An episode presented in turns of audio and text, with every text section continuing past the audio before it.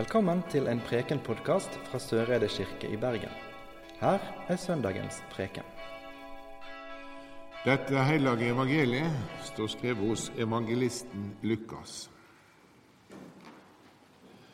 Og gutten voks og vart sterk, han vart fylt av visdom, og Guds nåde var over han. Hvert år for Jesu foreldre til Jerusalem i påskehøgtida. Og Da han var tolv år, dro de som vanlig opp dit til høgtida. Men da høgtidsdagene var til ende, og de skulle fare heim, vart gutten Jesus værende att i Jerusalem, og foreldra hans la ikke merke til det. De tenkte han var med i følget, og for ei dagsreise fram før de tok til å leite etter han mellom slektninger og kjenninger. Siden de ikke fant han, for de attende til Jerusalem og leita etter han der. Men først etter tre dager fant de han i tempelet. Der satt han midt blant læresveinene og lydde på dem og stilte spørsmål.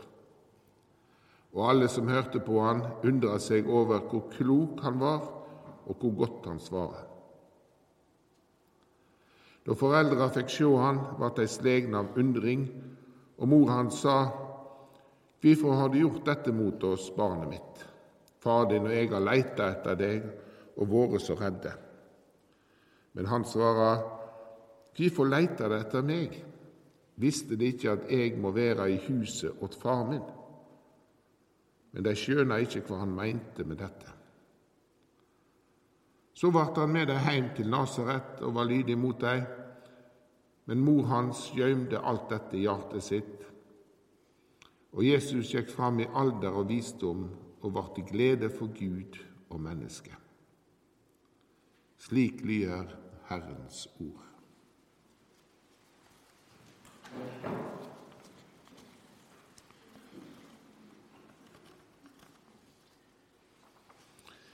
I dag feirer vi Kristi åpenbæringsdag, og det er på en måte et slags vendepunkt i kirkeåret.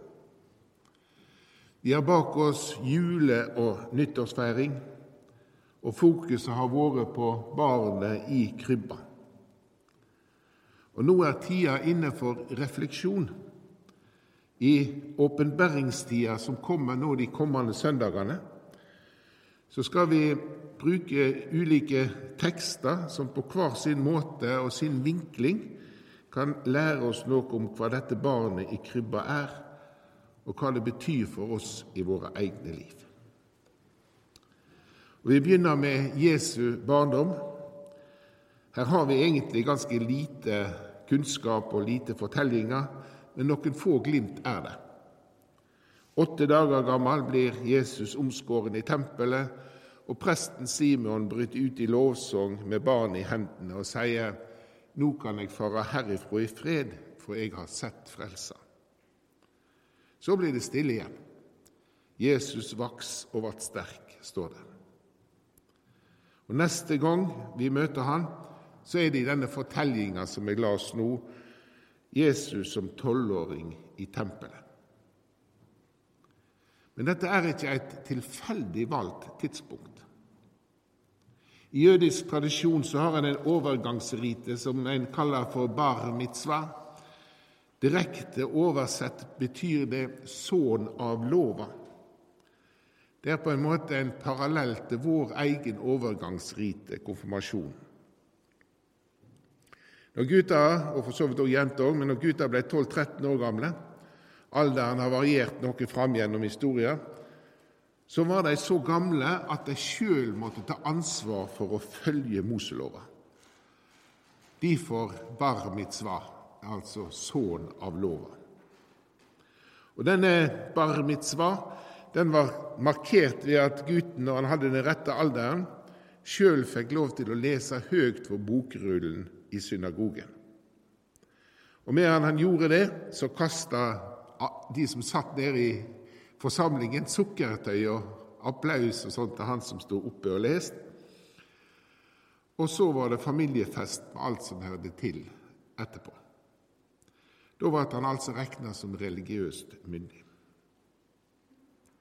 Vi vet ikke om akkurat dette ligger bak fortellinga hos Lukas, men det er interessant at det er akkurat bar mitzvah-alderen som er da Jesus, eller vi hører fortellinga om Jesus i tempelet.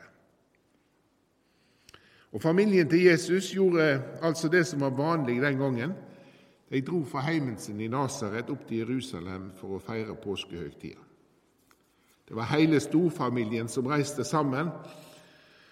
En stor hending for store og små. Og som det var vanlig på den tida når store reisefølger forflytta seg, så flaut ungene litt sånn imellom hele tida. Det kjenner vi jo til at det ofte blir. Og En tolvåring på den tida var i stand til å ta vare på seg sjøl og var vant med det.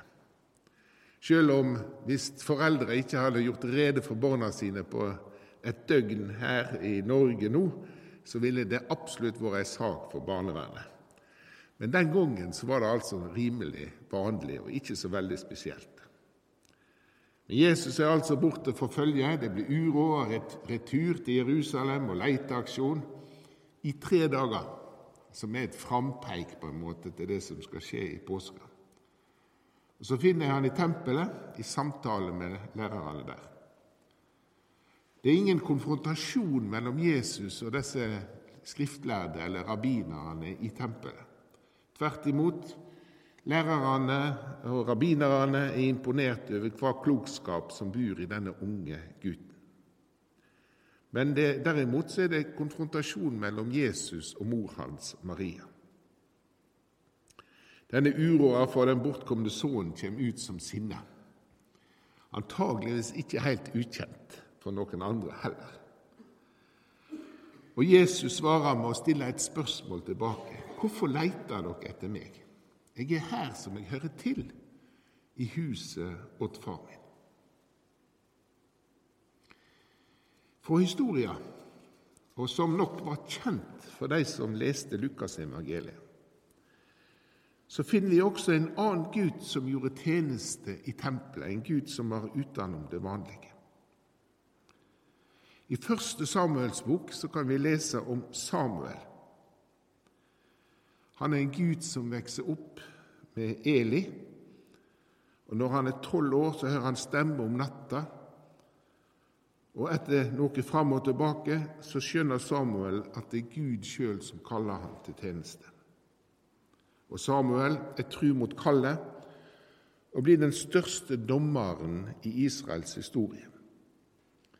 Det er han som ved ut og først salver Saul, og seinere salver David til konge når den tida kjem.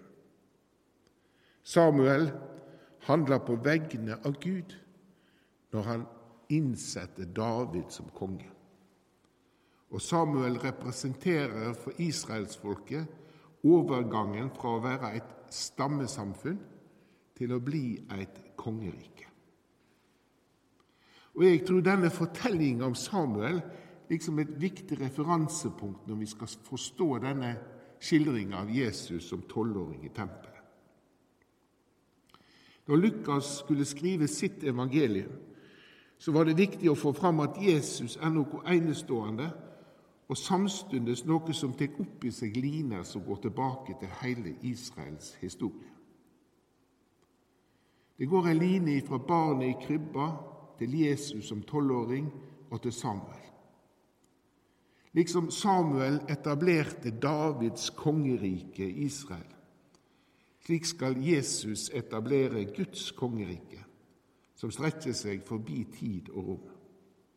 Slik Jesus gang på gang sier det videre i evangeliet Guds rike er nær.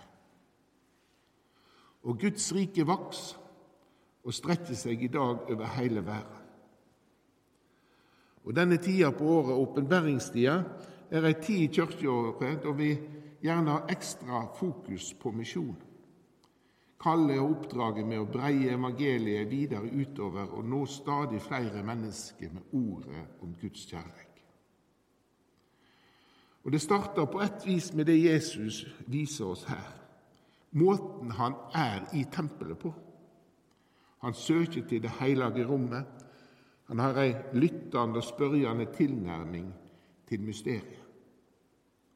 Slik kan vi også, når vi kommer inn i vårt heilage rom her på Søreide, sette oss ned, reflektere, spørje og prøve å forstå mer av dette Guds rike, dette kongeriket som Jesus kom til oss med. Og så kan vi gå herifra og ut i verden og forkynne evangeliet, om nødvendig med ord. La oss be. Evige Gud, du lot stjernen lede de vise menn til Betlehem. Vi ber deg, lys for oss på veien vi skal gå.